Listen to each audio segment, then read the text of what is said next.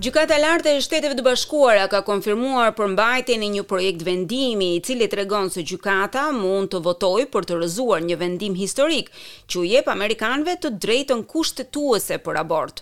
Ndërsa opinioni publik për këtë çështje intensifikohet në të gjithë vendin, marshalli i gjykatës ka marrë urdhra që të nisë hetimet për të mësuar se nga ka dalë ky informacion për publikun.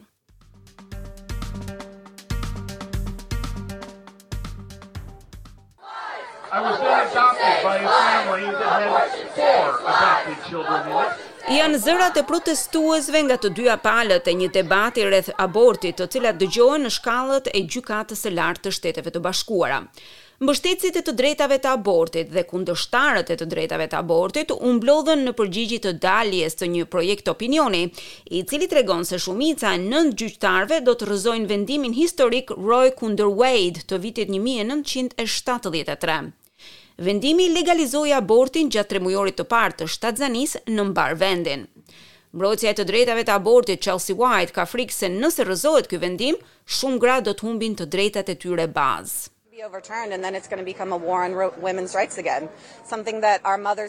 Nëse përmbyset, do të fillojë përsëri lufta për të drejtat e grave, diçka që nënat dhe gjyshet tona e kanë bërë një herë. Dhe nuk arrij ta besoj që do të duhet ta përjetojnë përsëri këtë fazë. Abortet do të bëhen përsëri nëpër shtëpi, të ligjshme apo të paligjshme ato do të ndodhin. Gjithçka që po bëjnë tani do të sjellë sakrificën e shëndetit të grave dhe çështjet mjekësore. Gazeta Politico publikoi dokumentin e zbuluar. Gjykata e Lartë ka konfirmuar se dokumenti është autentik, por paralajmëroi se projekt-opinioni nuk përfaqëson qëndrimin përfundimtar të gjyqtarëve. Presidenti i Shteteve të Bashkuara Joe Biden e dënoi projekt-ligjin dhe tha se ai shkelte të drejtat bazë të amerikanëve.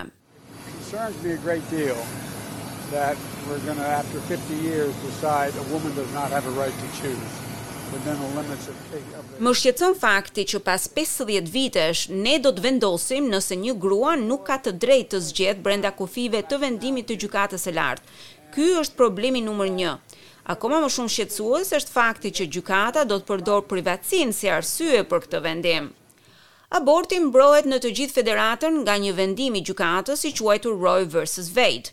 Influenca e këtij vendimi u dobësua kur Gjykata e Lartë vitin e kaluar vendosi që ta lejonte shtetin e Teksas të kalonte një ligj i cili ndalonte abortin.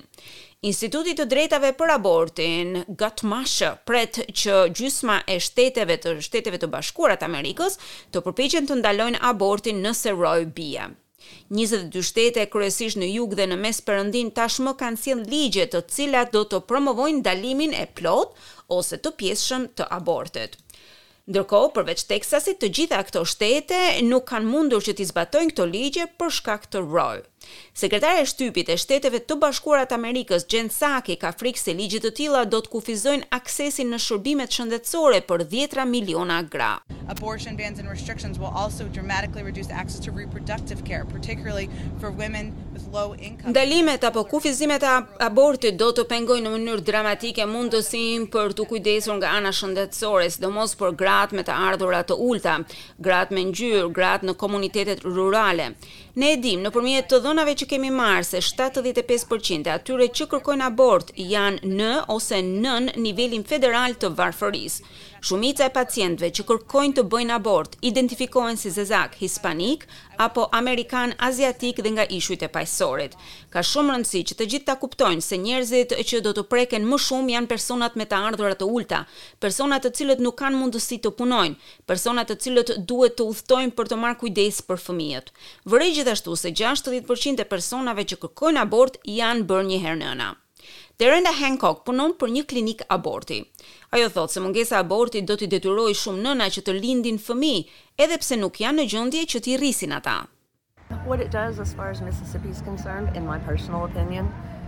Ajo që do të bënte për sa i përket Mississippi-t, sipas mendimit tim personal, është që të shkaktojë një bum të popullsisë.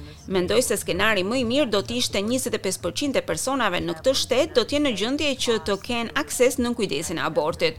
Udhëtimi në një shtet tjetër, kostot, logjistika që duhet të kalohet është krejtësisht e pamundur, tha ajo. David Gans është drejtor i të drejtave civile në Qendrën e Përgjegjshmërisë Kushtetuese. Ai thotë se gjatë pesëdhjetë viteve që me ardhjen e vendimit Roe, ky vendim është sfiduar vazhdimisht. uh, composition of the court um, with you know, a, a majority that was sort of put on the court with Tani përbërja e gjykatës ka ndryshuar dhe kjo përbërje ka një histori armiqësie me abortin.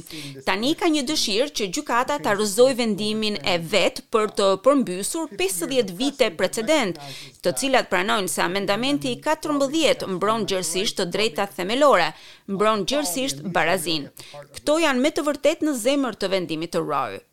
Në një njoftim për shtyp, Gjykata e Lartë e bëri të qartë se projekt-opinionet qarkullohen në mënyrë rutinë brenda gjykatës si pjesë e procesit konfidencial dhe konsultativ të gjyqtarëve.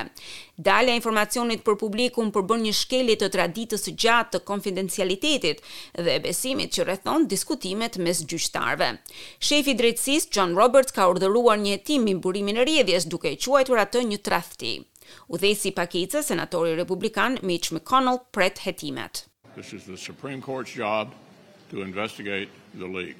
The Chief Justice has indicated that's exactly what he's going to do and I hope that the leaker Kjo është detyra kryesore e gjykatës dhe shefi i gjykatës tashmë ka thënë se do të ndërmarrë veprimet e duhura për të bërë hetime. Një vendim nga gjykata pritet që të merret në fund të qershorit ose në fillim të korrikut.